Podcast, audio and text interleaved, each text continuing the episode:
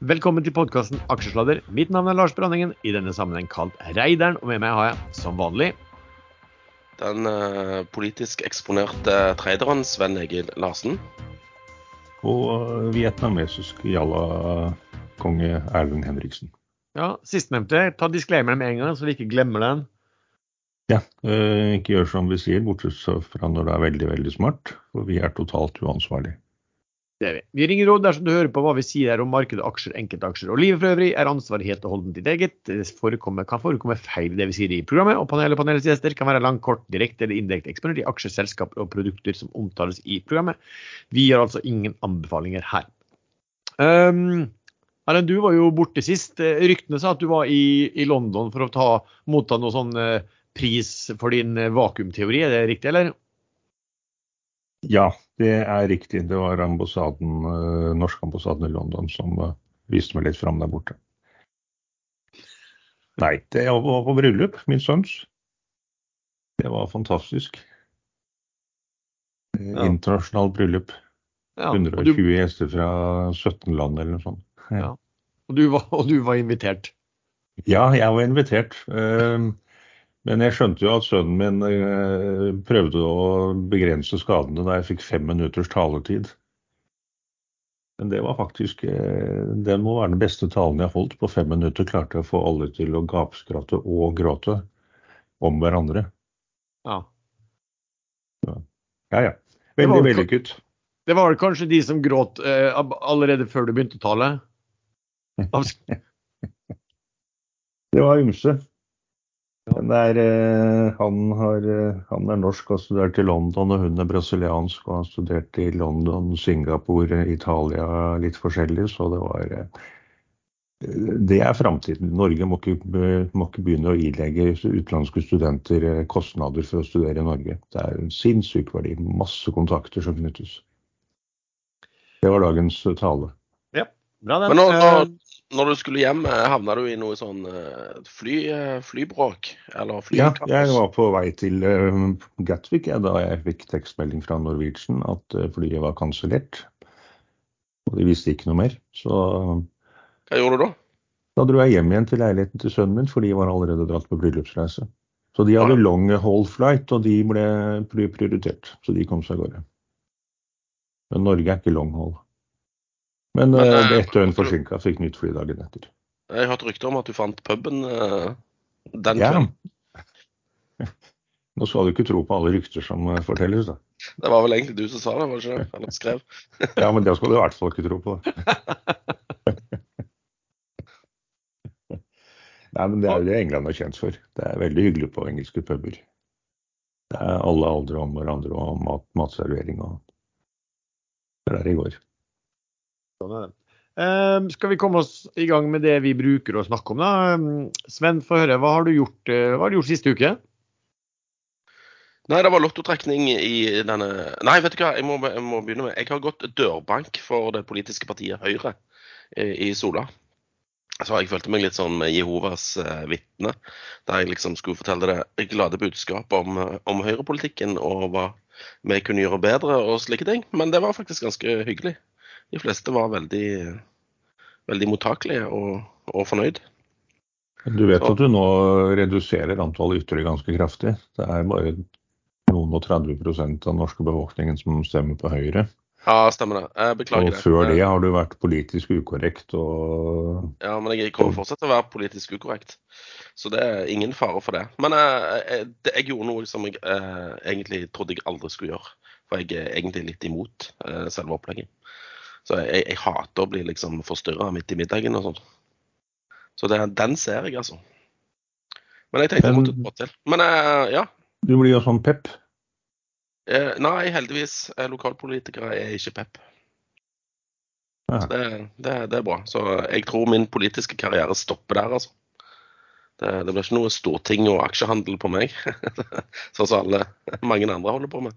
Du, du, skal ikke melde, du skal ikke melde overgang til eh, den eh, midtpartiet, da, eller XI-partiet, som eh, mer skatt til alle andre? Nei, men jeg har jo lansert det som et forslag eh, til Høyre òg, da. At eh, vi burde kanskje ta med det i programmet. Og at uh, dette partiet ditt uh, har faktisk et bra poeng da.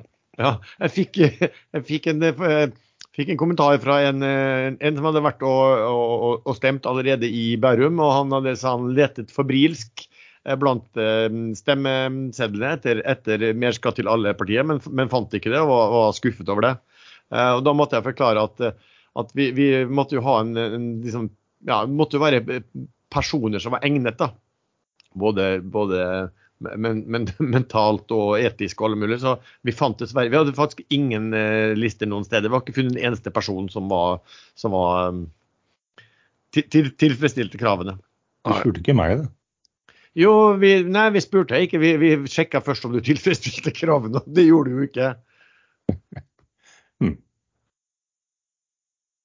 Man må, være, man må, jo være, på alle mulige måter eh, personlig korrekt og striglet og alt det her, ikke sant? Du vet hvordan det er? Og, og, Nei, og, habil. Eh, og habil, ikke minst. Jeg syns man skal være litt ustriglet. Ja. Det er det som vekker interesse. Også. Ja da. Nei, men Få høre, mm, Sven. Hva, hva, har du, hva, har du, gjort i aksjemarkedet?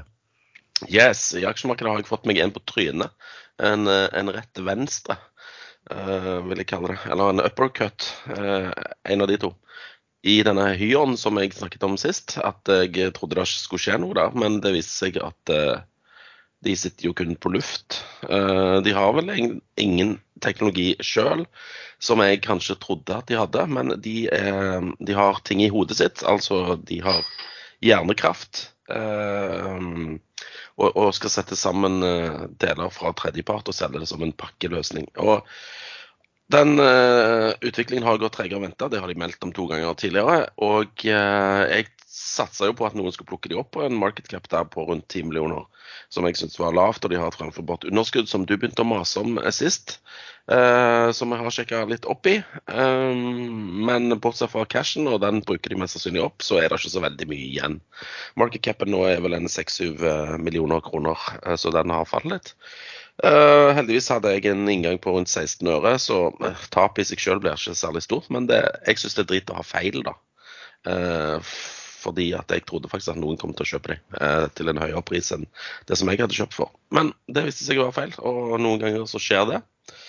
Og det er bare å gå videre. Men nå er jo akkurat nå er kursen 12-15 øre, så jeg. Men det er nesten ja, omsetning. 12. Ja, 12. Men altså, eh, jeg tenkte jo sjøl oi, her kan du få billig skall og et fremførbart underskudd som tilsvarer eh, litt penger. Men uh, du må jo liksom ah, Det er jo litt hassle. Så jeg vet ikke om jeg gidder dette her, men uh, kanskje noen andre gidder. Ja, For du kan jo bidra til å, at mer enn en tredjedel stemmer ned forslaget om nedleggelse. Og da trekker styret seg, og da kan du gå inn i styret. Stemmer det. Overta selskapet. Ja, Men du bør vel egentlig ha litt aksjer for å kunne gjøre noe sånt. Uh, jeg har faktisk Nei, jeg har faktisk ikke det. Så jeg tror jo at noen kanskje kommer til å prøve, prøve på det. Og da må de jo kjøpe litt aksjer før generalforsamlingen den 15.9. Ja. Så det er jo noe som kan skje. Men meg, til og med for meg så er dette lite penger, så jeg tar det med stor ro. Eh, men jeg beklager til de som eventuelt hev seg på og kjøpte den over 20 øre og, og tapte halvparten av pengene sine. Så det, men sån, sånne ting skjer når du kjøper sånne risikofylte aksjer. Ja, en, ja de, som, en... de, som, hører på må jo være fullstendig klar over at de må sjekke alt selv og ta risikoen selv. Ja, øh, stemmer. Uh, jeg, ellers så har jeg økt betraktelig i denne her Havila kystruten. Der har det vært en motivert selger uh, siste uken, og jeg har uh, tatt imot med åpne armer. jeg venter fortsatt på at Arctic og Fearnley som da gjorde den siste transaksjonen, eh, skal komme med oppdatert analyse. Jeg har fått bekrefta at de er ute av eh, sin eh, sorte periode, som det heter. Så her håper jeg at de skjønner at nå må de hjelpe oss slitne aksjonærer med å få opp aksjekursen igjen. Så jeg håper det skjer relativt kjapt. Eh, ellers så kom det jo noen tall fra Hurtigruten, og de var ikke spesielt gode. Men eh, jeg eh, leste litt om det og fant ut at det var denne Expeditions-biten som, eh, som, som, sleit. Og det er jo ikke Hurtigruta. Eh, old, old, school. Det er new school. Ellers så har jeg da eh, har gjort noe særlig annet. Nå må jeg jukse litt og sjekke litt her. Skal vi se. Jeg hørte plinga, jeg hørte plinga i bakgrunnen i stad, så da gjorde du noen ting. Ja, men det var på OTC. Kjøpte litt aksjer i den uh, Maritime and Merchant Bank på 11. Men mens du sjekker, da kan du kanskje oppklare Havøya, Kystruten og Hurtigruten. Er det samme selskap eller to helt forskjellige? Det er to helt forskjellige. Den ene er private equity-eier, uh, og det er den gamle Hurtigruta som har kjørt opp og ned og opp og ned.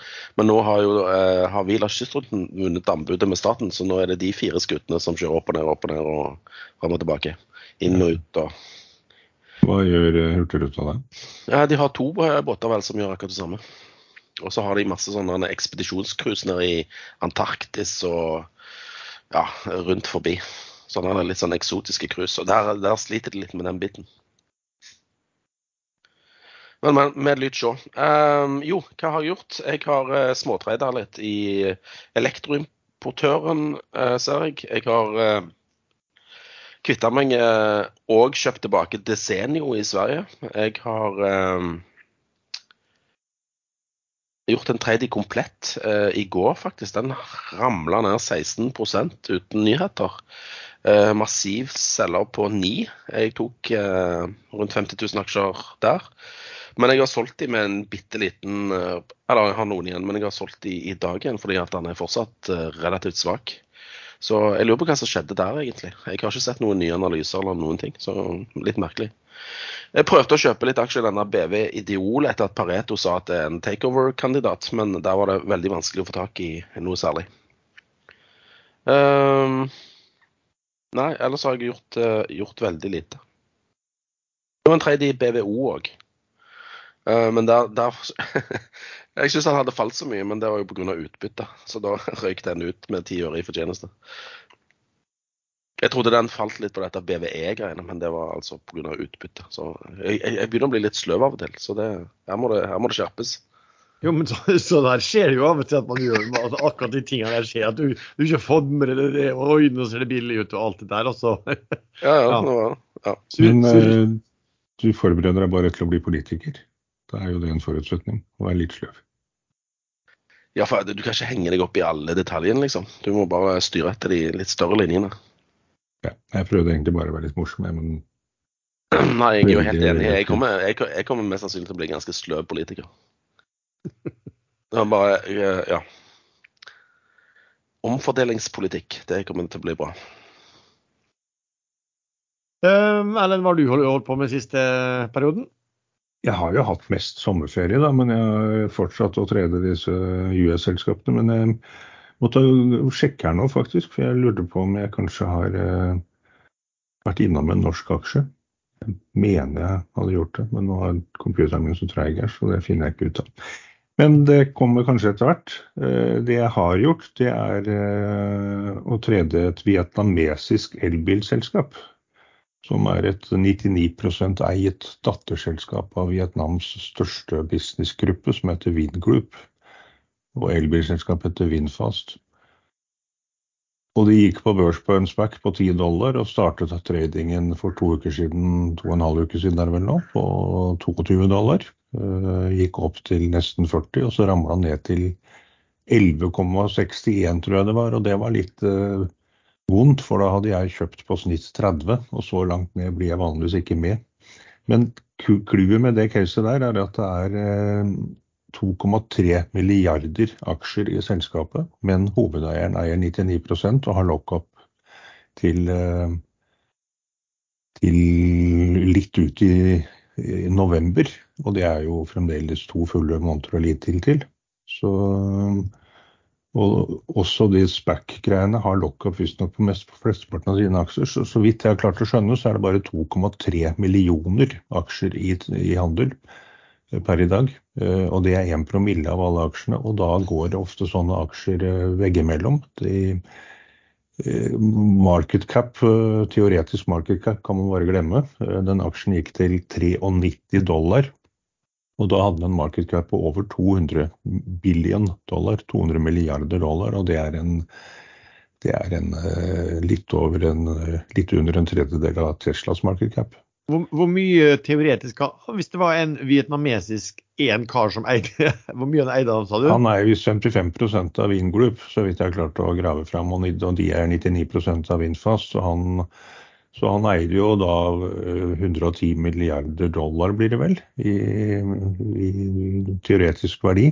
Og da kommer han godt opp på listen over verdens rikeste.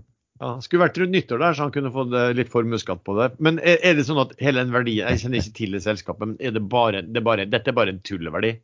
Ja, ja, selvfølgelig Eh, de gikk på børs med en egenkalkulert verdi på eh, jeg mener det var rundt 10 milliarder dollar, hvis ikke det var rundt 20 milliarder dollar. Men det er selvfølgelig noe helt annet enn over 200. Nå har kursen falt, så mistet, mistet to tredjedeler av den tulleverdien. Eh, men den er fremdeles market cap på da nesten 70 milliarder dollar.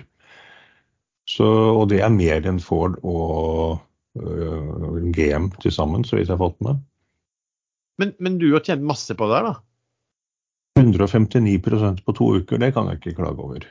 Nei, Og du, og du var med fra hva du sa, du var med fra 30 Jeg var med fra 30 ned til 11, opp til 90, eh, drøye 93, og så solgte jeg på 78. Var du aldri redd for at den skulle gå fra 30 og ned til 3, da, eller 1? Sånn som en del av de spekkene har vært tidligere? Jo, jeg, det var jeg selvfølgelig da den ramla så langt. Og da, da, var, da, hadde allerede, hadde jeg mistet to tredjedeler av verdien, så da var jeg nesten der hvor jeg vurderte om uh, om jeg bare skal uh, se hva som skjer og ikke gjøre noe. Men jeg var også litt opptatt, for jeg drev og pakket og reiste til uh, USA. Så, men plutselig begynte det å stige igjen. Den falt ned dit på 500, 500 000 aksjer i volum. Og da regnet jeg kjapt ut at det var jo en fjerdedel av alle aksjene. Da kan det ikke være så mange aksjer igjen som skal selges, tenkte jeg. Har, har, har du vært i USA òg? Nei, det er jeg ikke. Jeg sa kanskje det, men jeg mente UK. Men det er jo egentlig USA er jo UK, da. Var i hvert fall. Det var i hvert fall. ja.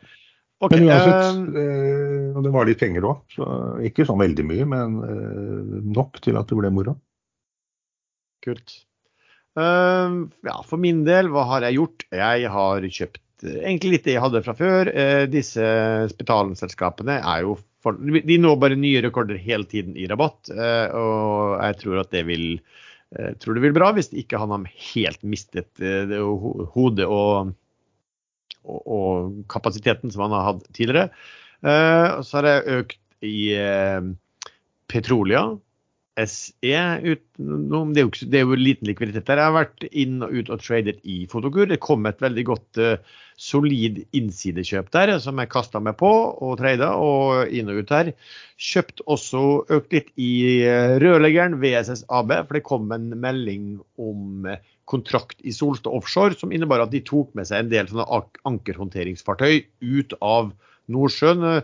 Og siden VSS bar sine der, og, og da blir balansen der bedret. Da. Så det, det, var jo egentlig til gang for, uh, for de også. Og så har jeg kjøpt uh, litt grann Vistin, ser jeg også at jeg har kjøpt.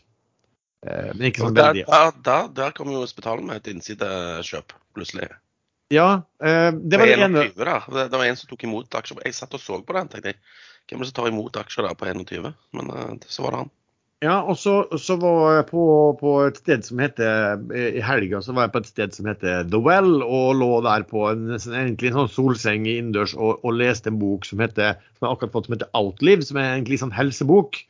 Eh, som har blitt litt sånn, en veldig sånn stor snakkis og, og selger veldig mye. Så jeg tenkte jeg skulle lese den, og da plutselig begynte de å lese om noe som heter eh, det heter vel Metformin, som nesten var, ble betegnet som litt sånn herre eh, jeg skal si, en mirakelkur, men som hadde veldig god, god effekt, mente forfatteren også på dette her med å få et lengre og, og bedre liv. Og det, det, slo meg jo at det var jo noe kjent med det.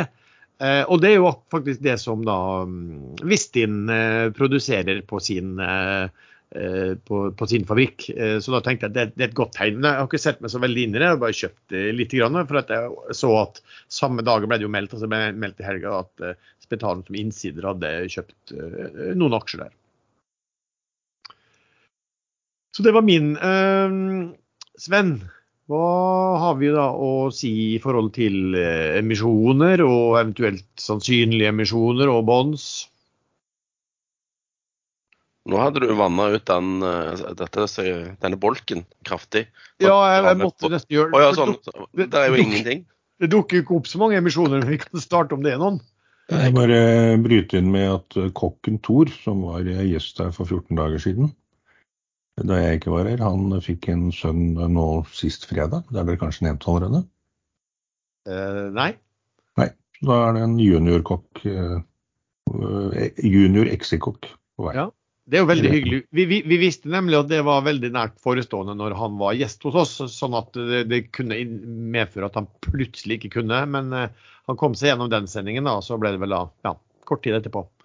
Da får vi gratulere kokken Tor med nok en ny verdensborger. Det gjør vi. Og potensiell skattebetaler. potensiell høyrevelger òg, men han bor jo i Oslo, så det hjelper ikke deg. Nei, det, da snakker vi next level shit. Ja. Og der, der, skal ikke jeg. Tenk å måtte velge mellom å sitte på Stortinget og trade aksjer. Det, de sykeste jeg eh, drar på tinget, sier jeg da.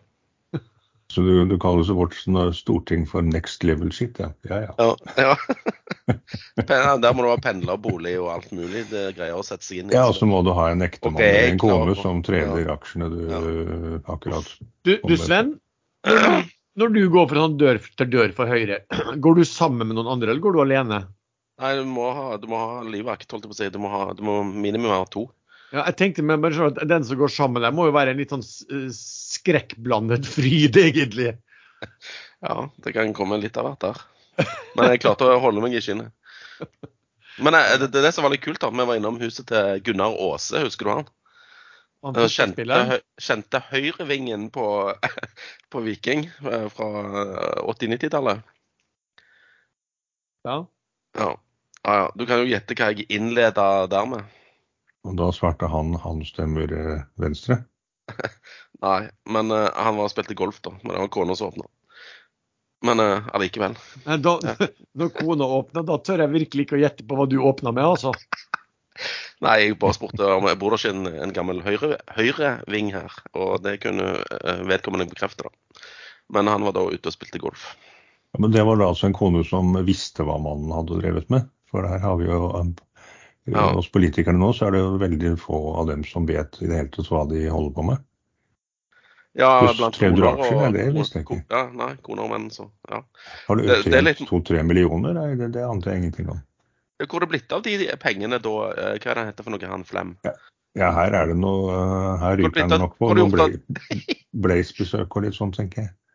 Ja, det har kanskje forklaringsproblem. Men eh, ja, nei, det var hyggelig med dørbank. Det var kjekt, det. Men emisjoner? Ja, emisjoner, ja. Nei, det har vært veldig lite. Og jeg liker Nå er jeg ikke skuffa lenger. Nå er jeg bare oppgitt og ja, lei meg, egentlig, om at eh, meglerhusene Jeg vet ikke hva de holder på med i meglerhusene for tiden. De må jo bare spille sjakk eller et eller annet sånt, fordi at eh, de jobber i hvert fall ikke på kvelden for å hente emisjoner. Nei, hente penger. Men Nei. Eh, det er en del gjeldsutstedelser, og det er populært med high yield-lån. Uh, akkurat nå så fikk jeg en mail om at uh, Bulk Infrastructure, som er disse datasentrene, også er i markedet for en obligasjon. Så det kommer et par sånne obligasjonsdeals uh, daglig. Okea hadde vi, og så hadde vi denne her Hva heter det Sveås-selskapet nå igjen? Kistefoss. I Kistefoss, ja. Og så var det en til. Relativt stor. Men Gilden var Hæ? Ja, Gilden. Gilden var rundt 10 10% og det syns jeg var litt lavt, da, for jeg har jo akkurat uh, eh, tegna til 13. Var det gilde i Kistefoss, eller? Jeg var rundt uh, 10 år i Kistefoss. Ja, Og så var Okea tror jeg var ni, litt over 9? Altså. Ja, fastrente på den. Men den ja. var sikra. Mm. Sikra. Men uh, ja, rentenivået er relativt høyt. Noe vi skal snakke om når det gjelder Aker Horizon sin diskonteringsrente litt senere i programmet. Det blir morsomt. Um, nei, Har det vært noen emisjoner i det hele tatt? Jeg, jeg, husker ingen. Nei, jeg har heller ikke fått med noen, noen ting som helst. Er, er, det noen du uh, vi har jo snakket, er det noen du i det siste ser på som, altså, som sannsynlige basert på tall du har sett eller har hørt?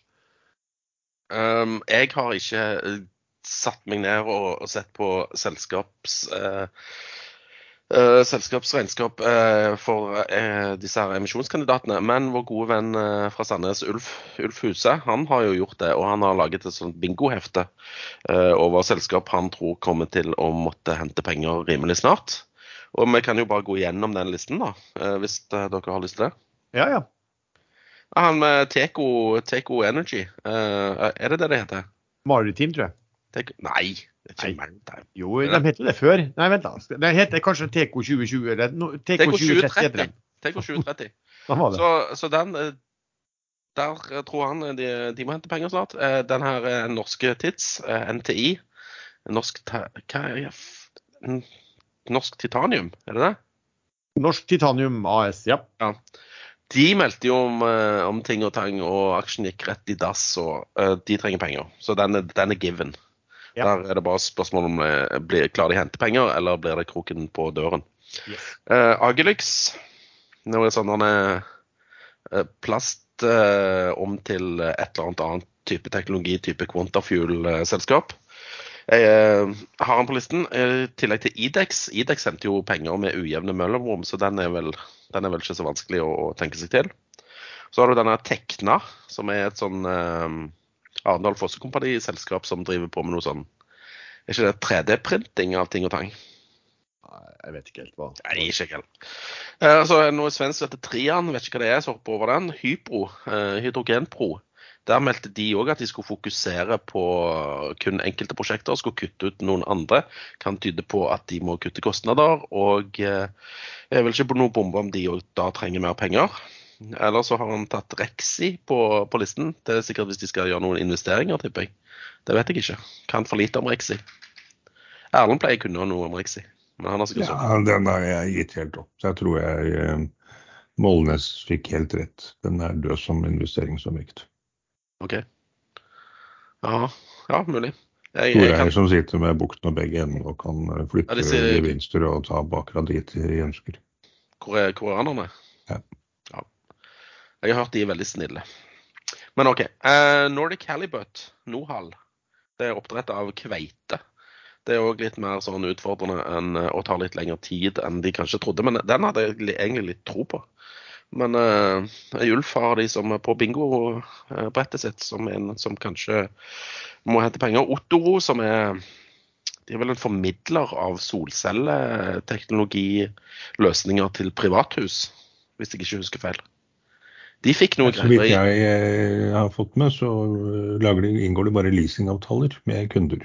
Ja, for de leverer ikke noe sjøl. De Nei, det er montør, montørene som henter selv fra Kina eller andre steder og monterer. Jeg tror ikke de, har, tror ikke de er bundet opp til ett produkt heller.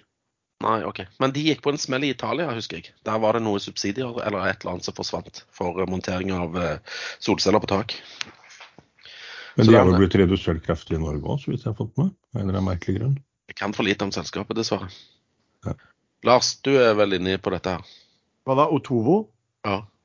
Nei, jeg kan lite. lite. Jeg husker, jeg vet at det er sånn solceller på tak, men, men liksom hva, hva forretningsmodellen er Jeg vet jo det er noe leasinggreier og alt det, men jeg, jeg vet ikke hvordan det er. Jeg kan for lite om. Ok, ok.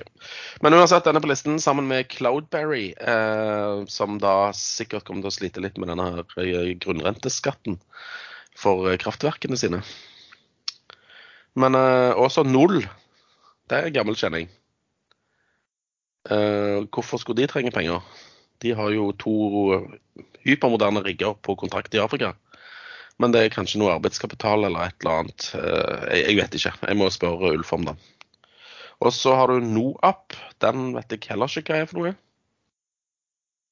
Der må vi slå opp den. Ingen av- ingen av dere heller som vet hva det er? Aldri hørt om. Nordic Aqua Partners. Hva faen? Nei, jeg har aldri hørt om. Så, så da, da er vel den riktig. Nå har et uh, kinesisk selskap i den provinsen som Kina har slått så hardt ned på, hva heter den igjen, U U i ugurer, uh, klart å lage et simulert saltvannsoppdrettsanlegg i ørkenen. Langt, da snakker du ganske mange mil unna havet. Hvor de nå dretter opp, heter det kanskje? Det vet jeg faktisk ikke. Eh, Både reker og hummer og krabber, og da kan de fort lage laks òg. Reker? Det må jo være det Sino Ja, det var kanskje ikke reker, men litt sånn større. Litt sånn eh, Ja. De, de store rekene som ikke er hummer. Comeback, comeback for Sino Agro på, på Euronext-grøt igjen. Det er sånn crawfish, sånn som de har i USA, sånn mudbugs. Så skikkelig sånn sorpekreps. Nå vet man jo ikke hvordan dette smaker, da, men uh, oppdrettslaks i Norge har vel stort sett vært ved ferskvann, vel? Og det Og ikke litt lyssmak. Ki- Kinamat. Men hvis du tar sånn sterk saus på, så smaker du ikke det. Men hvis eh, et land i Asia, f.eks. da dette selskapet her faktisk klarer å få det til, og det smaker godt, da begynner det å brenne litt i begenene våre lys i Norge for norsk oppdrettsnæring, skulle man tro. Men laksen trenger sånn kaldt vann, og de har vel bare varmt vann der nede. Ja, kanskje ikke opp i en høylandsørkenprovins. Ja, jeg, jeg kan for lite. Men vi var ikke helt ferdig med dette bingobrettet til Ulf, da. Vi hadde fortsatt igjen eh, Prime, som òg er en sånn plass til, eh, til et eller annet, eh, annet eh, eh, mer miljøvennlig opplegg. Og så ACC, det er vel Aker Carbon Capture. Eh, kan ingenting om det selskapet der heller, bortsett fra at ting tok litt lengre tid enn venta og ble en del dyrere pga. inflasjon og, og andre ting. Beslutningsprosesser og, og diverse. Og siste er Everfuel, danske hydrogenfyllestasjonsteknologileverandørgreiene. Og alt innen hydrogen virker å ta en del lengre tid enn tidligere antatt. Ja. Det var bingobrettet. Det er da 1, 2, 3, 4 ganger 4. Det er 16 kandidater. Ja. Har du noen i tillegg? Nå syns jeg du krever at jeg jeg òg skulle jo, jo, jo, ha gjort hjemmeleksen min her. Det, det får holde med de unge og sultne On the top of your mind, liksom? Nei, hvem skulle det være da? Soff, kanskje? Nå blir du populær igjen. Um, Nei, men vi vet jo at uh, nå opplyste Geos, Golden Shower eh, Energy Services, om at de hadde inngått sale leaseback på til sammen 97,5 millioner dollar. Uh, hvorav den uh, eksisterende sale leasebacken er på 45, men ikke fully drawn, som det heter. De kjøpte disse nye skipene for 99 eh, millioner dollar, hvis jeg ikke husker feil.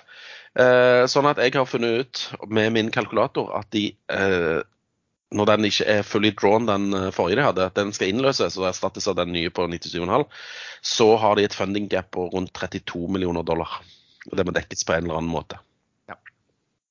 Så om det blir kun eh, egenkapital, eller om det blir et eh, nytt obligasjonslån med egenkapital, tipper det blir egenkapital. Men jeg er ikke sikker. Det kan bli en miks. Det er populært. Solstad falt jo veldig i starten på øh, uken, som var også pga. alt det der spekulasjonene om at nå, nå hadde de leid inn Pareto og andre meglerbedrifter, og, og nå kommer det til å skje noe. Men den, den har jo rekulert ganske så øh, kraftig også, fra, fra, fra bunnivået. Um, De har jo fått en del nye kontrakter som de har Ja. meldt disse dagene, og det har jo vært veldig bra. Og det er ingenting galt med businessen til Solstad. Det, det som er fucka, eller det er ikke fucka heller, men de har store eh, forpliktelser som forfaller 31.3.2024, som de må løse på en eller annen måte. Og så snakker vi Jeg tror ikke vi snakker så mye om hvor mye John Fredriksen eier av disse lånene, eller hvor mye han indirekte eier, men han er i hvert fall inne der en eller annen plass. Noen har sagt var opp mot 40 av bankgjelden, mens andre sier at det er rundt 10-8-10% Så det er veldig vanskelig å, å vite. Det vet Ja. vi ikke før eh, forhandlingene med disse låneinstitusjonene er ferdig og det kommer en pakke på bordet. Det som er sikkert, det er at hvis de skal refinansiere disse lånene med nye lån, så blir jo rentesatsen en del høyere enn det de allerede har. Åpenbart, ja. Altså, jeg, sjekket også, spurte også litt folk rundt omkring, og der var det også litt usikkerhet. Det var noen som mente at eh, Fredriksen sammen med Deutsche Bank og et par aktører til kunne eie kanskje 30 eh, Og så det litt vanskelig, for vanligvis så har du jo eh, obligasjonslån, og, og der har du liksom to, to tredeler av, av lånet skal stemme for det den andre. Men her er det bankkonsortium. Og, og det betyr bankkonsortium betyr at flere banker går sammen om å gi lån. Eh, og så har du ofte da en sånn lead bank. Og det, det, Der kommer det helt an på avtalen hva som står der. Men, men det er jo ganske unormalt. Hvis du var bank eh, og, og skulle være med i et konsortium, så ville jo ikke du eh, ønske at eh, de andre kunne bestemme at du ikke skulle få, betalt, få det tilbakebetalt i tid. Så, så ofte så snakker man om at hvis man skal refinansiere, altså dvs. Si at eh, refinansiere med de eksisterende långiverne, eller at du skal gi forlengelse eller hva som helst, så snakker man ofte at man må ha en supermajoritet. Kanskje 75-80% da. Så, så eh, hvis det er da noen som setter seg på bakbeina der, så er jo utgangspunktet da at Solstad skal inn med de pengene. Uh, og, og, og det, er jo ikke at de ikke klarer dette her, da, men det bare, det, det er veldig stort usikkerhet også blant analytikerne da, på hvordan blir en fordeling da av, av egenkapitallån? Hvordan, hvordan, hvordan ordner dette her, og, og, hva blir prisen på det? Jeg eh, merka meg i går at eh, Seb flagget over 5% Seb har jo, men det, det jo, De flagger jo selv, da, men ofte har de vært eh, jeg vet det, ofte har vært Svea som har stått bak når man har sett eh, kjøp via Seb. Men som sagt, flaggingen skjedde via Seb, og hvis det var han som åpenbart var bak de aksjene, så skulle, jo, så skulle jo han flagget med sitt navn. Så, så det, det, får vi bare se på. Um, en annen ting her. men, ja, men det, ja, Jeg skulle si noe om, om den uh, soffen, men nå, nå, nå, glemte jeg det. Bare snakk litt videre, så kommer jeg kanskje på det. Ja, jeg skal ta et par andre som jeg tenker på. En jeg har nevnt før, er jo Hofseth Biocare. Eh, altså Hvis du ser på balansen, soleklar, uh, soleklar emisjonskandidat. Men her er det jo sånn at største eier er jo også en enorm uh, leverandør. Så eh, på mange måter er det Hofseth som selv som holder selskapets likviditet i gang, ved at de får lov til å betale for leveransene når de kan.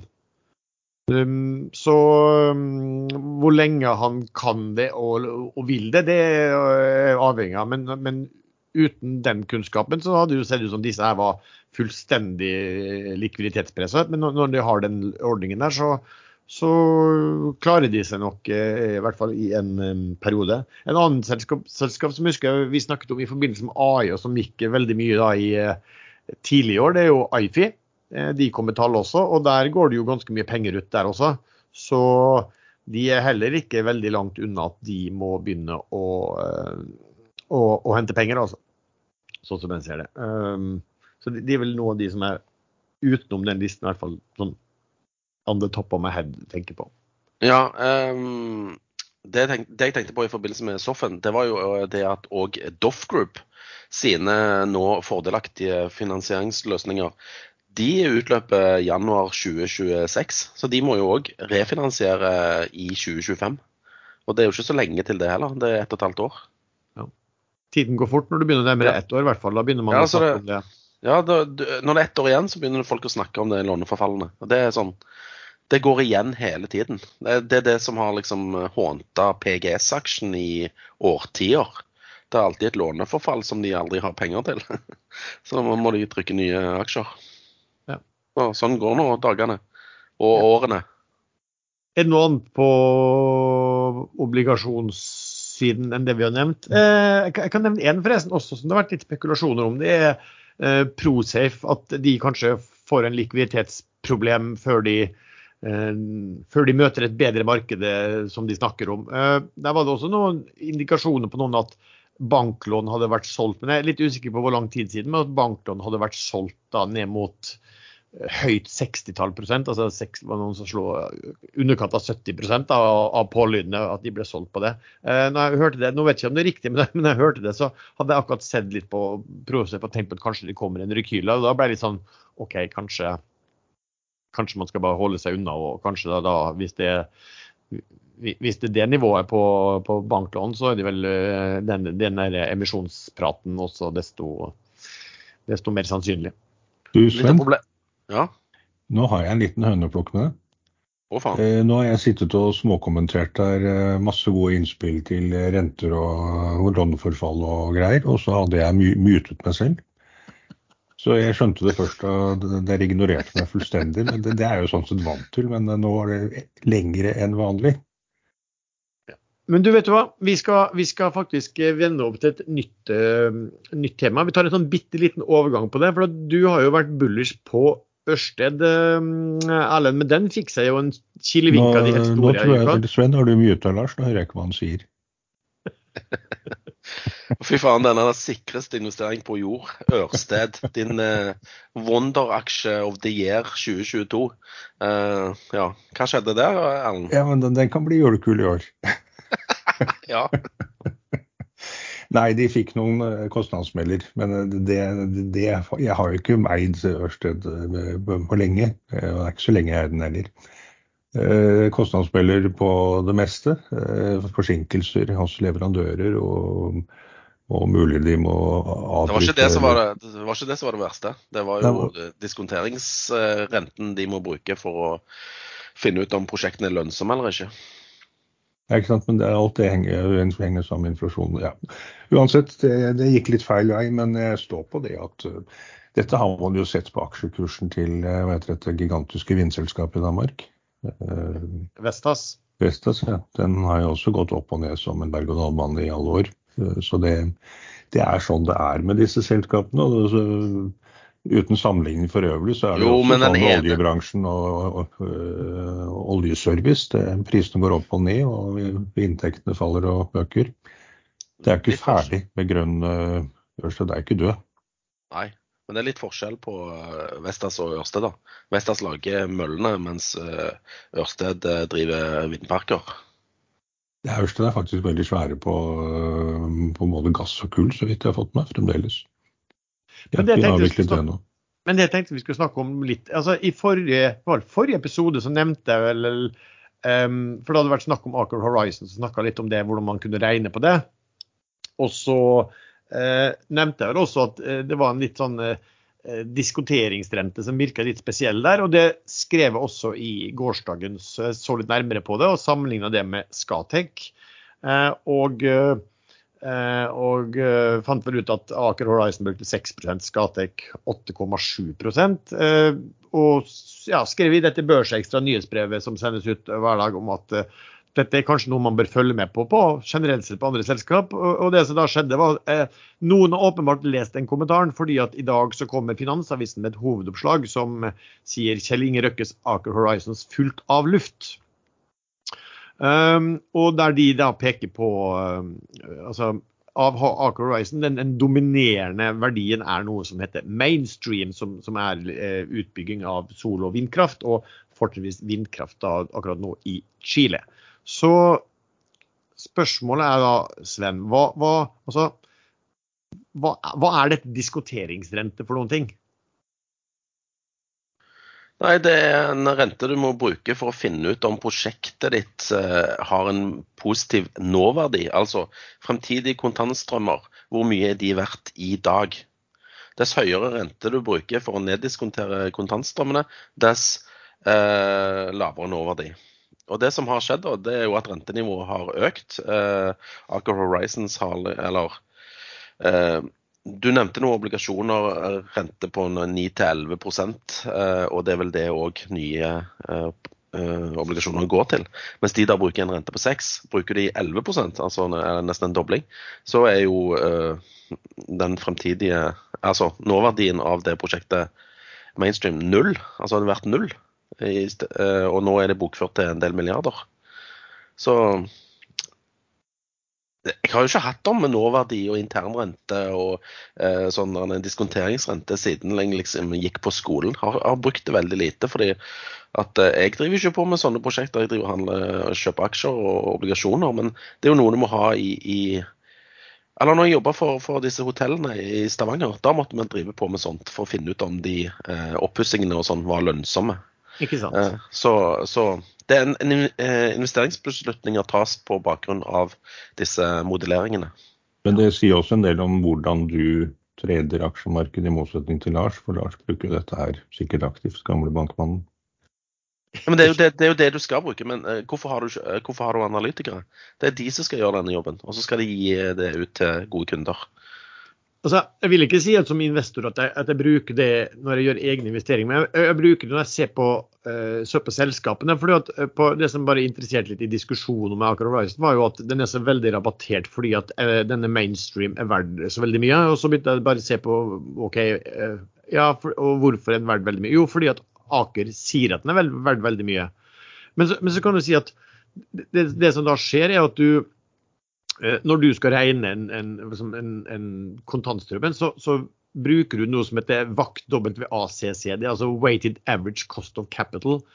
Eh, sånn teknisk sett så finner du ut hvilken lånerente kan du ha, Og så ganger du det med eh, hvor stor andel av investeringen du kan belåne. Og så bruker du hvilken egenkapitalavkastning kan jeg forvente å få.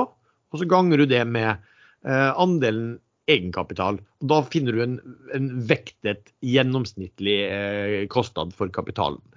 Problemet da med, med Aker Horizon er at de bruker 6 altså, um, det vil jo være sånn at nå, Du vil jo alltid ha lavere, um, lavere kostnad på renten enn på egenkapitalen din. ikke sant? Fordi at rente, Når du låner, så har du mindre risiko enn når du har putta inn egenkapital. Problemet med Akers bruk av 6% er jo at de har jo høyere lån. Dette mainstream har jo høyere lån, lånrente bare på lån da, enn hva de bruker, enn hva Aker bruker på denne vakken sin. Så, så, det blir ganske sånn meningsløst. Eh, jeg, jeg, tror at Skatek brukte 8,7% Jeg syns egentlig ikke det er lavt i det hele tatt heller i, i dagens marked. Og så, var det jo at de begynte å se på, det, på denne Chile-biten. altså Mainstream så er det jo da at, eh, at selskapet er jo i problemer i Chile. Eh, de er jo i default på lånene sine. Eh, jeg vet ikke helt hva som har gått galt, men det har vært noe med, med, med, strømmarkedet i, i, Chile og alt dette her. Da. Så at noen da skulle gå inn der og være fornøyd med 6 eh, rente per år, som jo er, det er omtrent hva inflasjonen er, det virker helt meningsløst. Per i dag, i hvert fall. Og Det er jo litt det samme som skjedde med Ørsted. da. Eh, de, Pga. det høyere rentenivået så har de òg eh, modellert med, med høyere eh, diskonteringsrente. Og Da er prosjektene plutselig mindre lønnsomme, og de har skrevet ned verdien av, av de prosjektene i regnskapene sine. Og, så bare for, for, å forklare hvordan det har skjedd, også, hva som skjer. En ting er at vi snakker om når du skal gjøre en investering, men etter at du har gjort investeringen, sånn som det er gjort i mainstream her, så, så, går man inn og sjekker man ok, nå har vi puttet inn eh, 15 milliarder eh, i prosjektet dette her. Eh, og da har du det på balansen din som en eh, asset. ikke sant? Men så må du, du må jo teste i regnskapene om det som står som en asset, virkelig har den verdien. Og da bruker du altså å én, du lager en, sånn, eh, en, en, eh, en oppstilling over hva du antar er fremtidig cashflow, og så bruker du en diskonteringsrente på det. Og Den diskonteringsrenten det kan fluktuere, og også cashflow kan fluktuere. Og da finner du ut eh, er, vi, eh, er, vi, er, vi kommet, er, vi, kommet, under den verdien vi i dag har i balansen. Da må du skrive ned. Og Så var det jo litt morsomt, jeg må si at det var litt morsomt i eh, Finansavisen. De hadde vært ganske smart og spurt, spurt Aker Horizon og hvor mye fordi De sa at nei, det ville jo være feil å bruke det på hele mainstream. Eh, fordi at de hadde jo andre ting enn i Chile.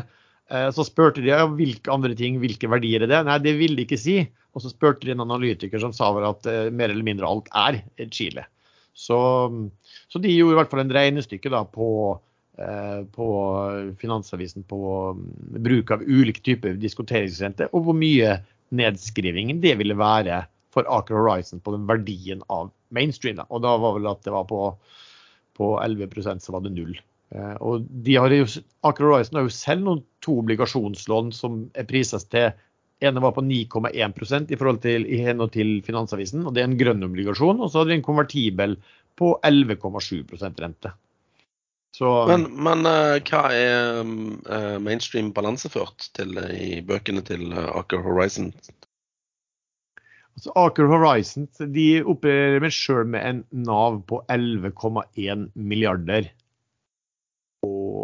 andelen av det fra mainstream er Jeg er litt usikker, men jeg har noe notat på at de har satt uh, mainstream verdien av det til 7,7 milliarder.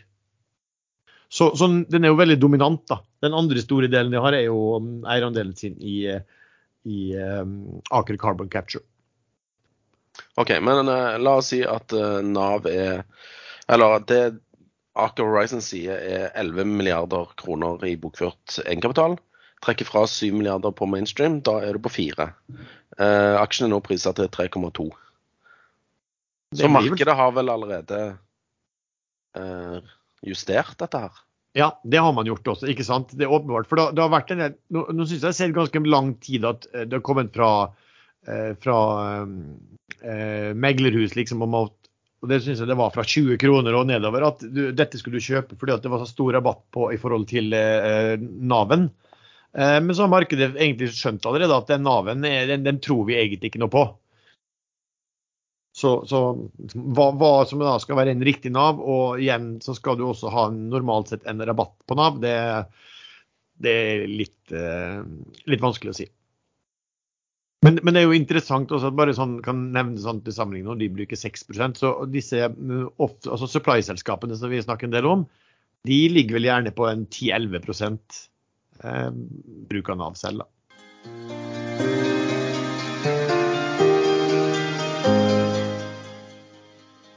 Fortsetten og i samfunnet for øvrig er det mange som klager over dårlige innskuddsrenter i bankene. Jeg har selv fått tips fra en bekjent om å sjekke ut fixrate, og fant deres tjeneste interessant. Det var enkelt å registrere seg, og rentene fra bankene som annonserer på fixrate sin markedsplass, er veldig attraktive. Følgende er sponset innhold. Ønsker du bedre rente på kapitalen til bedriften din?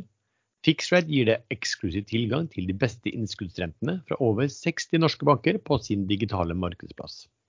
På fixrate.no får du tilgang til prisene i markedet, og du kan enkelt bestille innskudd og konto hos én eller flere av bankene. Du registrerer din bedrift, og dermed kan du plassere penger. All bestilling blir kundeprosess og dialog skjer gjennom Fixrate sin plattform. De mest vanlige rentetilbudene har flytende rente med et marginpåslag over pengemarkedsrenten og 31 dagers varsel på uttak. Siden 2017 har Fixrate sine kunder flyttet over 50 milliarder kroner fra banker som gir dårlig rente, til banker som gir god rente. De beste tilbudene akkurat nå gir ca. 4,95% effektiv rente. Logg inn på fixrate.no for tilgang til de beste rentebetingelsene.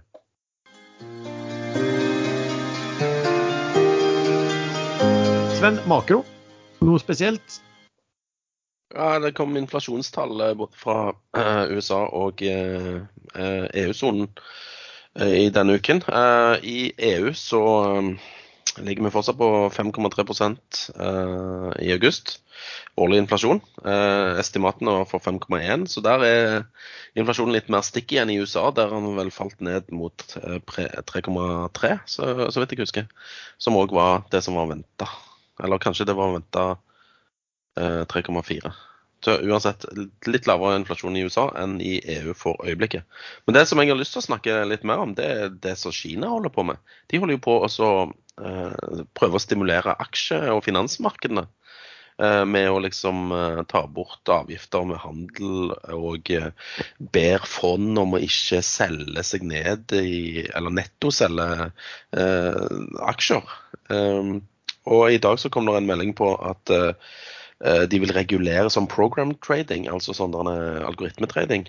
Fordi at de mener at det øker volatiliteten i, eh, i, i markedet. Så eh, hvorfor går de på aksjemarkedet og skal regulere og kontrollere og prøve å pumpe opp det? Det steg jo med 5 på åpning på mandag og slutta opp 1% så tydelig at investorene bruker dette til å selge seg ned. Det er litt sånn merkelig at når de ikke klarer å fikse økonomien, så prøver de å fikse aksjemarkedet. De er, redd, redd, for uro i befolkningen, tror du det? Jeg, jeg vet ikke. Jeg spør eh, Erlend er jo eh, vår Kina-ekspert. Og regjerende norgesmester i kinasjakk. Så du kan en del om dette, Erlend. Ja, nei, akkurat den, eh, den avgjørelsen kom litt overraskende på meg. Og den kom samtidig som de som de avslo at de skulle endre reglene for førstegangs boligkjøpere. Eh, planen var at de som allerede hadde vært førstegangs boligkjøpere, skulle få en sjanse til i storbyene for å pushe kjøpsviljen opp igjen, men den regelen ble ikke endret.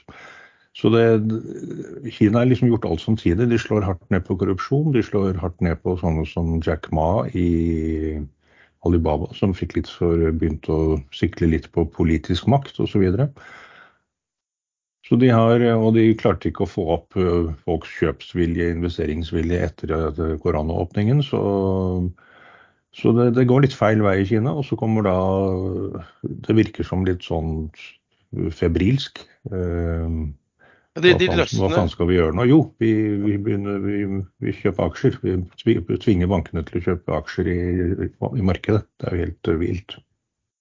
Ja, Evergrande Action åpna forresten opp igjen etter å ha vært stengt i en del måneder. Eh, ned eh, 90% eller hva det var. Så det var jo kult for de som hadde den. Men den andre øh, pågående konkursen er vel mye verre for verdensøkonomien, er det ikke det? Jeg vet ikke om den er så eh, veldig mye verre for verdensøkonomien, men den er veldig mye verre for investorer i Kina eh, og eh, utenlandske som har lånt de penger. Ja, ikke sant? Uh, det, det henger jo litt sammen. Så da, den kom oppå den andre, og den kommer litt øh, Country Garden. Ja, det kommer litt overraskende, i hvert fall på mainstream. Uh, De som følger med veldig veldig tett med, eh, de de hadde nok fått med seg at den, de også sliter. Men det er jo generelt. eh, Lokalbanken i Kina sliter. eh, Store selskap, eh, spesielt innen eiendom, sliter.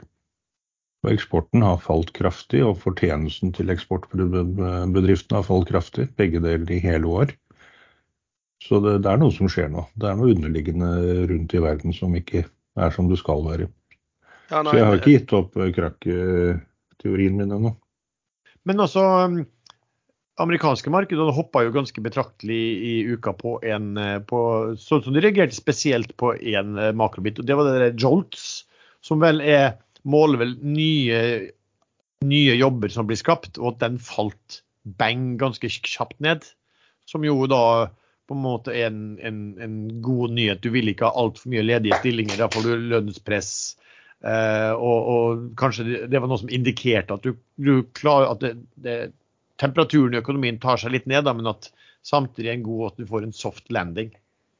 Men i USA så har du jo faktisk eh, Trump eh, startet med å hente hjem manufacturing til USA, noe alle trodde var umulig, men der klarte han faktisk å få til litt. Men det var stort sett gjennom eh, press og trusler. Men eh, Biden har jo gjennom denne IRA-pakken hvor, hvor det kreves at bedriftene ikke bare produserer produktene i USA, men også innsatsfaktorene skal være produsert i USA. Til og med litium og andre stoffer man trenger til batteriene til eh, denne batterirevolusjonen. Det skal også være eh, gruver i USA, i hvert fall i stor, stor del. Så, så det kommer til å bli skapt ekstremt mange nye jobber i USA. Det er det ikke noe tvil om. De pengene er allerede bevilget. Og det siste jeg leste om IRA-pakken, var at den faktisk er en blankosjekk. Det er ikke noe tak på den. Det er ingen utløpsdato. Det er eh, heller ingen øvre tak på hva folk kan søke om. Da, da det ble innført tiltak for å øke salget av elbiler, så fikk eh, hvert firma, Tesla, fikk en kvote på 200 000 biler. Det gjorde alle de andre òg, Tesla fylte jo den ganske kjapt. Så der forsvant subsidiene, eh, men det gjør det ikke på IRA-pakken. Alle som har eh, oppfyller kravene, kan søke, og alle kommer til å få. Så hvorfor de skal pushe seg hardt på å bli kvitt masse jobber når det dukker opp veldig mange nye jobber i ganske nær framtid, det, det klarer jeg ikke helt å skjønne. Nei, men det er vel for at de, altså, um, Hvis du ikke har noe arbeidsledighet og det kommer stadig, stadig nye jobber, så, så ender du opp med at du får Da må jo lønningen opp, da. Um, og da begynner du å få sånn lønns- og prispress, og du får inflasjon og ja, økte inflasjon, og den blir, den blir sittende høyere i, i lengre tid. Da. Ja, det er selvfølgelig helt rett. Jeg tenkte jo helt feil. Selvfølgelig, De må jo produsere litt arbeidsløse, så disse nye, nye fabrikkene kan hente litt folk. Ja. Ja, sånn. Um, men en ting er at du um, har en viss innsikt i kinasjakk i henhold til Sven. En annen ting er at du, du åpenbart er den her som kan mest om Afrika. Der har du jo drevet eh, bedrift eh, selv også. Og nå ble det jo meldt om et militærkupp i Gabon eh, i uken, som har, betyr noen ting for et par norske no, no, eller, um, selskap på Oslo Børs som, eh, som driver olje, større oljeproduksjon der. Hva, hva, Panora BVE, er det ikke det? ja, BVE og Panoro, det stemmer. Uh, Ja. Men, men har du fulgt liksom med liksom, hva, hva, Ja, det, det Hvordan går det? Hva, hva innebærer det? Det kuppet er jo åpenbart initiert av uh, Russland via Wagner Group, uh, som både Mali og Kamerun og Madagaskar har de vel vært innom, og det er eh, Syria og Libya. Og, så de har vært uh, store der nede, og de har spesialisert seg litt på gamle franske kolonier, hvor de hiver ut franskmennene, som har klart å gjøre seg upopulære som eh,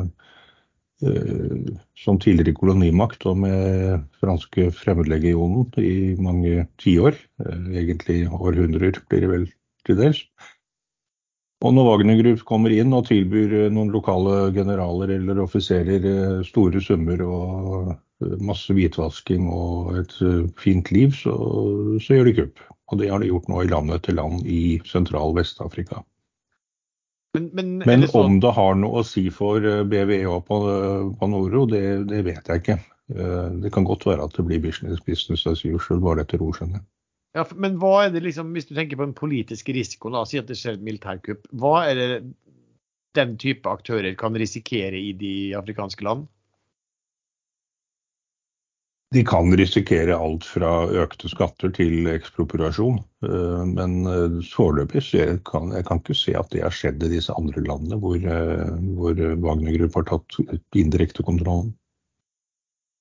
Men er det noe Altså jeg vil tro at de leter etter hvis det er en, Noen steder jeg vet ikke hvem som tar kontroll, og det, om de, hvor demokratisk valgte de altså I Gabon så har vel den samme familien sittet ved makten i, i eh, Bongo senior og junior.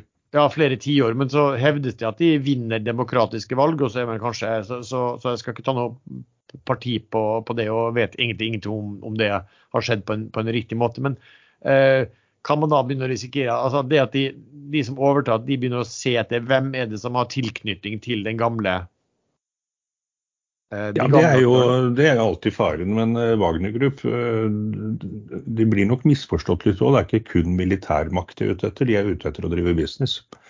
Det er jo det Hampri Gorsin var mest kjent for, at han har bygget opp enorm business ved å betale bestikkelser, ta imot bestikkelser og få kapitalstrømmene der nede til å fungere mye bedre. Også delvis fra hvitvaske russiske oligarkpenger. Eh, så det er ikke sikkert at de ser noen fordel i å kaste ut Panoro eller, eh, eller øke skattene. Eh, ja, det, det, Man må nesten avvente og se. Jeg har ikke sett noe sånn mønster før, at utenlandske selskap har blitt kastet ut i stort omfang. Kanskje franske, men det, det går også en grense for hva både de andre afrikanske landene kommer til å tåle, og de har jo allerede nå satt kniven på strupen til, eh, til kupp, mot kuppmakeren i Niger. Og det vil vel også gjøre mot kuppmakeren i Gabon. Og USA kan også sikkert finne på å bidra litt i bakgrunnen, og sammen med Frankrike. Så men, og, og, men, over, men, overtar du makta, så er du avhengig av å få befolkningen med deg. Og for å få det, så er du avhengig av å ha, eh, ha inntekter. Og inntektene får du av, av oljeproduksjonen. Gabon er jo et sånn lite land også, så, så men, men de, de, aksjene falt jo ikke sånn supermye, men de falt jo noen prosenter i hvert fall når, det, når den meldingen her, um, her, kom. Jeg tror det var sånn at, hvis jeg husker riktig, det var litt ulikt, men noen skrev at, at verdiene i Eh, for BV Energy at det var til 60-80% bestående av det, disse assetsene i Gabon, og om det var, var 30-40 eller lavere i, for Panoro. Så ja. Har du, har Men du vært... Eh, både investorer og disse selskapene som involverer seg i sånne land, hvor de vet at korrupsjonen er omfattende og eh, lokalbefolkningen i veldig veldig liten grad får del av rikdommene. Han Bongo senior hadde noe sånn som 40 eh, bankkontoer spredd rundt i verden, og Rolls-Roycer og Bugattier og eh, Så det, de, de, vet hva de går inn i, eh, og det må investorene, aksjonærene i disse selskapene også vite. Det er høy risiko i disse landene. Ja, for, det, for det det viser, også er jo at det, det, bare, det, bare, viser landrisikoen du har, politiske risikoen du har. At, og da må du på en måte ha kreve, da skal du også kreve høyere avkastning. Rett apropos det vi snakket om eh, diskonteringsrenter, Hva, hva, du ville krevd av avkastningskrav for å eh, investere i slike land. Vi har fått litt eh, spørsmål fra eh, lyttere som vanlig. Eh, her er et litt sånn interessant spørsmål, tror du, du Sven. Eh, hvordan vil man som menneskelig trader kunne nå opp i konkurransen med AI på trading? Um, han skriver at han vet at Sven tok livet av en robot, men det var nok en rimelig primitiv en kontra de han ser for seg blir trent opp til trading i dag. Hva tenker du, um, Sven? Ja, jeg tenker at vi har ikke sjans, men eh, eneste gangen vi har sjans, det er når de gjør feil. da, At de gjør, feil, eh, gjør en feil beslutning.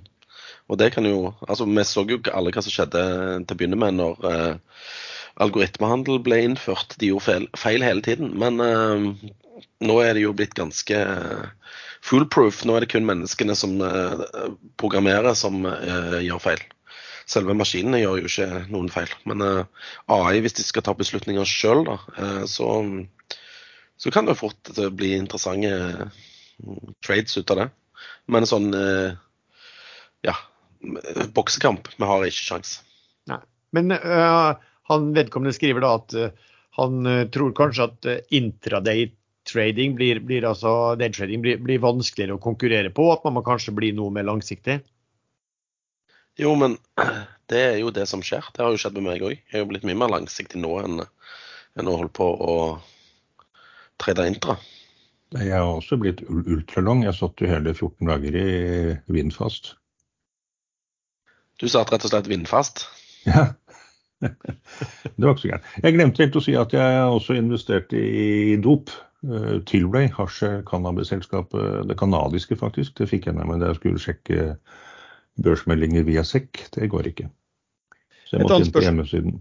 Et annet spørsmål her. Um, kan du, du ta, Erlend, for du har vært inne på det før. Uh, en som spør om Zenit Energy. Er det bare jalla, eller kan det bli noe seriøst? Det har jeg sagt såpass mye om før at jeg egentlig ikke har lyst til å si så mye om det. Jeg er ikke veldig glad i, i avkapte hestehoder i sengen. Ok. Jeg vet at det er veldig mange som bruker å spørre oss om Magnora, og den har vi ofte snakket om. Det har vært hvert fall for oss litt vanskelig å få tak på. Men det, nå kom det vel noen melding i uken. Eh, Sven, hva, hva, var det? De har opplevd interesse for noen av uh, selskapene eller prosjektene som de har i porteføljen sin, og har vel uh, sagt at de skal ha en strategisk gjennomgang av det de holder på med, med mulighet for å selge ut noen av de prosjektene sine. Eh, jeg skal ikke si noe vondt om, om Magnora, men dette er jo gamle Sevan Marine. og de hadde jo noen prosjekter igjen der som ble sittende igjen etter at Sevan hadde kvitta seg med disse runde riggene sine. Så um, ja. Eh, flinke folk som eh, får frem verdier. Og jeg eh, syns Altså, jeg angrer på at jeg ikke bare har, hadde kjøpt den og ble sittende. For det er tydeligvis de vet hva de holder på med. Jeg gjorde det. Jeg kjøpte Syvan en gang i tiden og ble sittende. Og den aksjen den har faktisk gått bortimot uendelig i prosent siden Magnora tok over. Eh, det eneste som er dumt, er at jeg bare har én aksje. Ja, det har skjedd ting. Uh, nei, men altså, det, det, er jo det er som du sier. Altså, det, det, er ofte litt vanskelig å regne på, på de som, som, driver med prosjektutvikling innenfor sol og, og vind og alt dette. Det, du, du, vet liksom ikke hvordan det går med disse, før de har solgt det, men disse har vært flinke og uh, vært tidlig ute. Og tydeligvis vært flinke for at de, de har kunnet gjort gode exiter også på den derre Evolar, eh, som var en sånn eh, solkraftteknologi. Eh, nå skriver de jo, Den var litt sånn diffus, den, den meldingen. For de snakker også om å, om å strømlinjeforme selskapene i en, en, reorganisering som inkluderer Companies Legacy Design Business. Altså det, er jo, det er jo da gamle Sevan-biten. Ja, De eier jo rettighetene til designet av de runde riggene. Jeg trodde, jeg trodde, at de ikke eide designet, at de, bare, at de bare hadde rettigheten til å få, um, Ja, det er mulig de solgte det til, til TK i sin tid. Og de skriver jo også at de, det er jo også at de har altså i, fått interesse fra potensielle oppkjøpere og investorer på selskapet og på fornybarbusinessen. Så den er litt vanskelig å Eh, å tolke den, den, den, meldingen. Og så syns jeg det er kanskje vanskelig å, å, ja, ofte å regne på det selskapet. Men eh, det som jeg, jeg har stussa på eh, når det gjelder Magnora, er jo at de har kjøpt seg inn i mange prosjekter og sånne ting.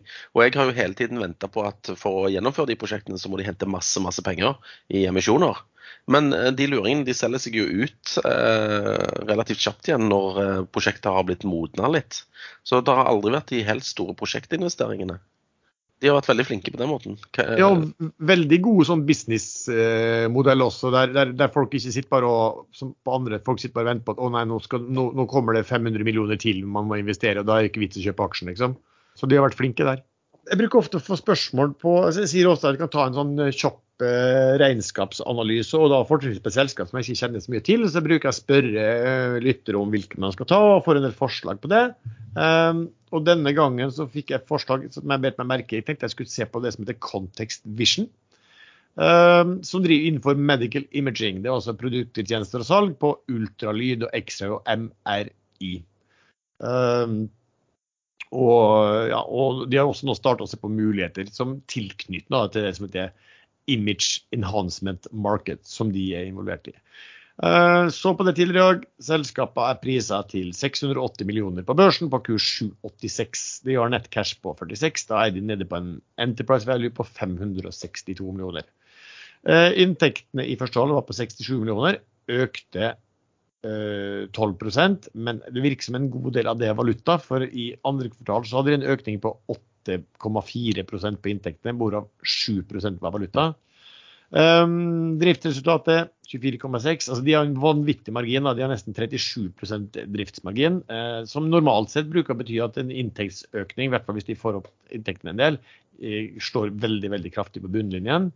Um, resultatet etter skatt første halvår 19,6 millioner. Det er pluss 14 da. Så hvis du regner, eh, da tar halvårsresultatet og regner om til et årsresultat, så har du en EV-EBIT på dette selskapet da på 11,3. Eh, Det er ikke så veldig høyt hvis de vokste noe særlig. EBIT-en vokser 18% men det virker som en del av det er valuta. Eh, PE er på 15,5 basert på den måten å regne på, og da er inntjeningen per aksje i første halvår opp 14% Da får du en PEG, PE delt på eh, EPS-økning, eh, på ca. 1. Altså, greit nok, men ikke noe som man blir veldig eh, interessert av før, disse, før, før, før, du begynner å se at disse kan eh, vekse igjen. For på, på, resultatet har de også hatt medvind av valuta. at de, har jo mye kostnader i, i, svenske kroner, og så har de inntekter da i, i valuta. Når kronen, svenske kroner er svak, så slår jo det pent på, på resultatet. Uh, de hadde all time high da i inntekter og resultat, og i henhold til han toppsjefen så sier han at 'the future looks very bright'. Um, så, så, så, det er jo ja, bare hvordan man ser på regnskapet. De, um, hvis man tror at disse kommer til å fortsette å øke og ha den veksttakten de har i dag, og gjerne litt, litt høyere på inntekter og ikke minst resultat, så, så kan det være godt å sitte i. Og når de snakker om at de snakker om nye muligheter på siden av det de har i dag, så kan jo det alltid være spennende for den type teknologiselskap. Da. Så det var Contact Vision.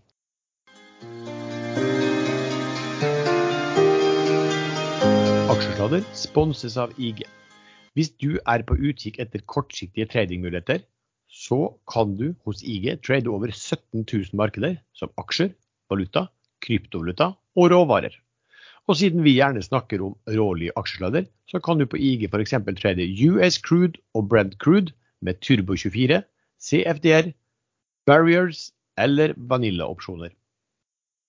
Når du bruker Gearing, så betyr det også at en kan få stor markedseksponering for et mindre opprinnelig utlegg. Du kan få relevante oppdateringer som nyheter og tekniske indikatorer i realtid direkte på plattformen, og du kan sette en absolutt grense for risikoen din. Åpne en konto kostnadsfritt på ig.com, eller last ned IG-appen i dag. Men husk at all trading involverer høy risiko.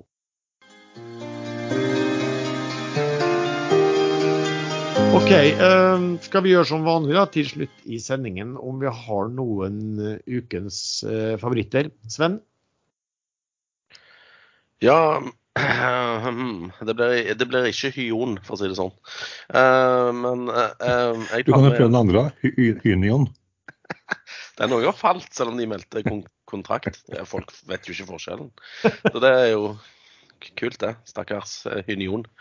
Nei da. Eh, det blir spennende å se om Hyon kommer med et estimat på hvor mye som er igjen når alle har fått lønnen sin ut året. Eller hvor lenge det tar. Men jeg venter som en uh, trofast hund på at uh, meglerhusene Arctic og Fearnley skal klare å finne en analytiker som kan se litt på dette Havila kystruten-caset og fortelle oss om hvor mye det egentlig er verdt. Så uh, der solgte jeg faen meg komplett på igjen. Ja, ja. Nei Det blir Havila kystruten. Det må jo komme noen analyser som drar denne opp fra dritten. Men det kom òg en reparasjonsemisjon på 60 millioner aksjer på én krone. Men uh, det er ikke så kult for de da, når uh, aksjen ligger på 1,09,5. Noe annet? Noe annet. Oljeprisen går jo som et oljelyn her, og det kom tall som viste at Saudi produserte en del mindre enn forventa. Så det virker som oljeaksjer er good. Eh, gasslagrene i Europa er nærmest fulle. Så jeg vet ikke om det er så bra for gasselskapene, altså de som produserer og selger gass. Men olje ser veldig sterkt ut. Det er bra, for da får verdensøkonomien den siste knekken, og så raser alt sammen sammen. Og så ramler oljeprisen under 70 dollar innen nyttår. Og du og den der jævla betting-greia di. Det er tross alt en hel vinflaske, det. En Magnum. ja. Ta, jeg, tar, jeg, føler den tar mye av fokuset vekk fra investeringsbeslutningene dine når det gjelder olje. Erlend, har du noe spesielt i uken som kommer? Ja, jeg, hadde, jeg glemte en aksje til som jeg lå på kjøpet i går uh, før åpen. Det var da Hyon-aksjen til Sven, for jeg håpet at den skulle dunkes rett ned i kjelleren av paniske selgere. Den ramla for så vidt til ni øre, og jeg lå på kjøp med to millioner aksjer på åtte øre. Men det var jo nesten ikke omsetning, det var bare noen hundre tusen på veien ned til niøre. Da slettet jeg ordren. Tenkte at jeg orker ikke å bli sittende med en sånn post som plutselig er to øre for dyr, og så er det nesten ikke omsetning. Så den dropper jeg. Eh, det jeg fikk nevnt så vidt i en bikommentar i stad, var at jeg da borte i USA igjen eh, faktisk har blitt dopelanger. Jeg har kjøpt Tilry, cannabisselskapet, og grunnen er Egentlig så er jeg prinsipielt imot i det hele tatt å rote meg inn i de selskapene. Men nå har jeg blitt sånn nå skal, nå skal, det bare bli sex and drugs and uh, rock and roll og litt uh, krig og fred og sånn som jeg skal investere i. Det er det som går nå.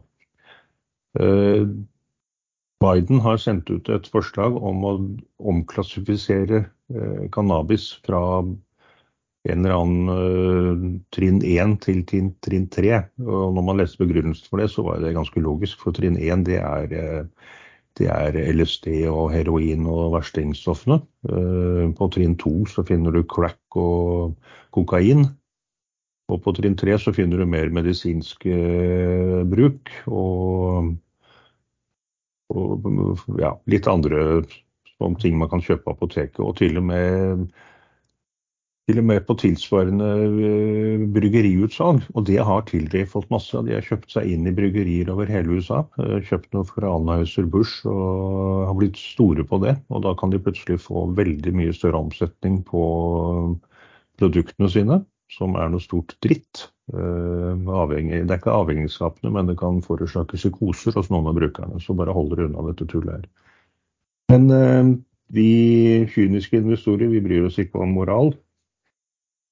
Eh, så det tror jeg faktisk kan få en sånn langvarig drag oppover. Den kom fra 300 dollar og ramla ned til 1,50, og nå ligger den på over 3, så den har gått 100 eh, på noen få uker.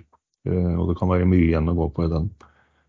Det ble også visstnok noen skattefordeler av at de ikke er i den høyeste risikoklassen lenger. Så da kommer det vel noen analyser etter hvert, og så bare fortsetter den å gå og gå. I Norge så jeg ser egentlig Jeg orker ikke disse aksjene hvor alle er inne, sånn som uh, Havila Kystruten og Aker Horizon og disse her. Det, det, er så mye pump og dump, og man følger med hele tiden. Og det, det gidder jeg rett og slett ikke for tiden. Men jeg så at SAS-aksjen begynte å gå, og det er jo egentlig det uh, vakuum Casey har ventet på i år. Uh, det er litt annet vakuum-case, fordi det er eh, fremdeles veldig store eiere igjen. Norske, nei, ikke norske stat, men danske og svenske stat. De selger ikke aksjene sine, og Wallenberg-familien selger ikke, og så er det et par til. Og det vil også høyst sannsynlig bety at der kan de som ønsker å shorte aksjen, de har ikke noe problem med å låne, låne aksjer. Så noe sånn veldig jalla race den tror jeg ikke det blir, men den er opp 10% i dag på gode flytall. Men det var jo sommertallene, og i neste kvartal så kommer jo da eller neste måned allerede, begynner kanskje de dårligere tallene å komme. Så Det er ikke tiden på året å gå inn i flyaksjer sånn generelt, men eh, flytrafikken er jo nå på nivå fra før korona, så vidt jeg har fått med. Ja. OK. Uh, ja, jeg kan nevne, jeg snakket om Hafnia før, fortsetter jo bare opp. Uh, en annen som jeg har vært inne på før og som hadde porteføljen en del av, er jo Nekkar. Ehm, som kom med tall i uken og har smelt opp 30% i etterkant. Altså, det, det, er jo klart der Inntektene økte jo liksom i første halvår med 27 og hvis jeg ser riktig, jeg gjorde riktig fart, så økte driftsutsatte med 250 eh, PE er jo da på 13,6 med en vekst på 52 da. Eh, men de har jo også da 236 millioner i nettcash nå som gjør at ofte P-tall blir litt eh, Da liker jeg heller mye mer å se på EV-EBIT, som nå er altså på under fem. Med, altså med en EBIT på opp altså over 250 da. Eh, så kom noen nyheter. De har en sånn, litt sånn ventureprega satsing innen oppdrett som de legger inn i et nytt selskap eh, og putter 5, ja, 20 millioner til min, sammen med Bevi. Eh, og der de vil eie underkant av 40% Det vil si da at de vil jo ikke konsolidere det inn. Eh, pluss at de har meldt at de nå igangsetter tilbakekjøpsprogram. Så alt det her var jo en kjempecocktail for, for eh, kursoppgang. Og eh, hvis de fortsetter veksten, altså det, det, de ser absolutt ikke dyrt ut på nøkkeltall med sånn som, det, sånn som de holder på med. Hva heter det selskapet som de skulle drive med sånne fiskegreier? De skulle hete Nei, var det ikke noen skulle du hete Fisk eller et eller annet, eller? Nei, Fisk skulle du hete. F-i-i-z-k. Ja, Fisk. Ja. de, de, det var de og Bevi sammen, i hvert fall.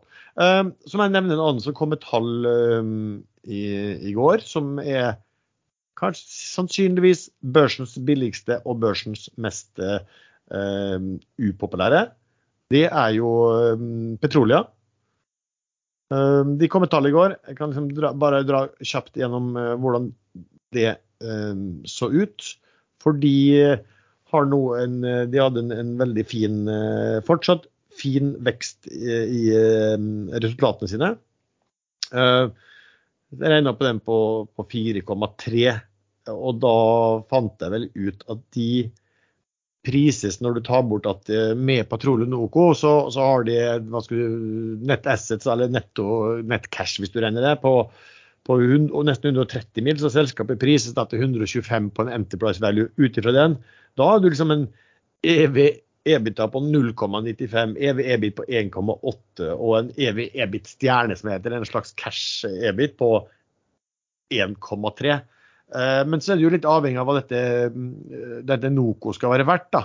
Så jeg tok heller og Hvis du regner med at OK, du skal få Noco gratis, da er de på en eh, EBITA på 1,9.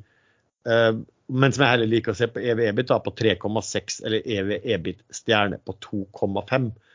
Og det er jo De prises da til bare 0,7 767 ganger eh, bok, eh, og som sagt viser pen økning i, eh, i, i, i driftsinntekter og i resultater. Så, så jo, så Hadde du ikke vært for det at det var dominert av Bergert Larsen og mange da, både på likviditet og på at de syns han har gjort, har gjort, mye rart tidligere, holder seg unna, så er jo den eh, helt sånn frapperende billig. Så jeg jeg kjøpte den litt i uken. og kommer sikkert til å kjøpe mer av den i dag. Jeg ser det ligger noe på salg som jeg har lyst til å kjøpe. Men jeg, jeg, jeg, har ikke så lyst til å sette i gang en sånn auksjon på den, for det, det, kommer jo fort eh, når du eh, Siden det er såpass lite likviditet og du må bevege deg litt opp, så plutselig er det en auksjon, og så kommer det andre kjøpere til. Så jeg kommer nok til å kjøpe der mer i løpet av dagen. Eh, og det blir sånn risk reward her kan du kanskje bli skrudd, men altså når, du bli, når du begynner å bli de nøkkeltallene der, på noe som faktisk eh, vokser på inntjeningen og har en solid cashflow, så, så føler jeg bare at det, det må jeg nesten bare, bare, ta. Så har jeg fått spørsmål også på denne på om, eh, om eh, en som jeg snakka mye om før. altså Disse betalingsselskapene og ja, de er jo billige. Det var, det var en som spurte om Saga Pure. Han lurte på om de hadde mistet alt av hjerneceller. Uh, og, og, det er jo litt morsomt da, med denne Saga Pure at det, det, det, prises til en stor rabatt på nettcash. Og selskapet hadde jo planer om å, om å, om å kalle seg, omdøpe seg til, til, altså til, å satse på sånn distressed investeringer. Vi, vi kalte dem jo for Saga Vulture. Og da kan jeg anbefale, hvis noen fra Saga Vulture hører på, så Eh, det finnes ett selskap som prises til langt under nettcash, og det er dere selv. Eh, da begynner det å bli litt, litt morsomt, da, for eh, den, den, den, første distressed asseten de burde sett på, var jo deres egen aksje. Men det er jo så.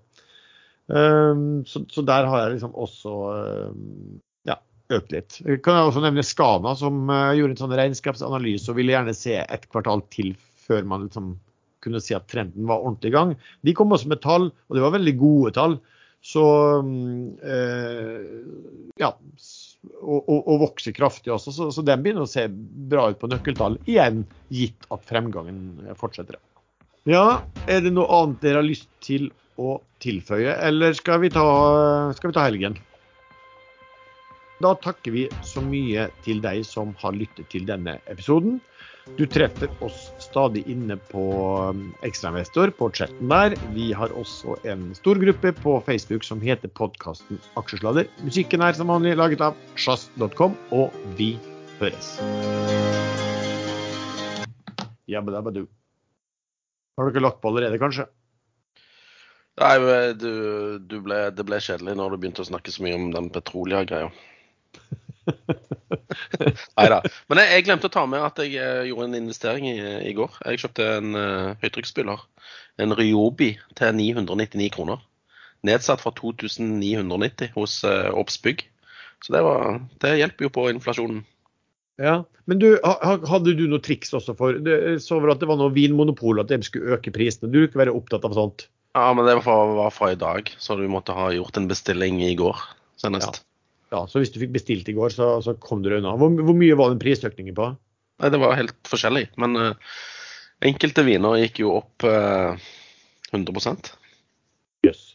Ja, De verste var vel enda mer. Men uh, snittprisen, snittøkningen var på 1,6% eller noe sånt. Så det... ja. Men alkoholprosenten forble den samme. ja, det er jo en trøst. Ja. Men når det blir dyrere, så blir det jo bedre kvalitet. Så da det veier litt opp. Ja, Da er det ikke så flaut å drikke billigvin lenger, for nå har den blitt dyr. ikke sant. Nei, skal vi ta helg, eller? Vi tar helg.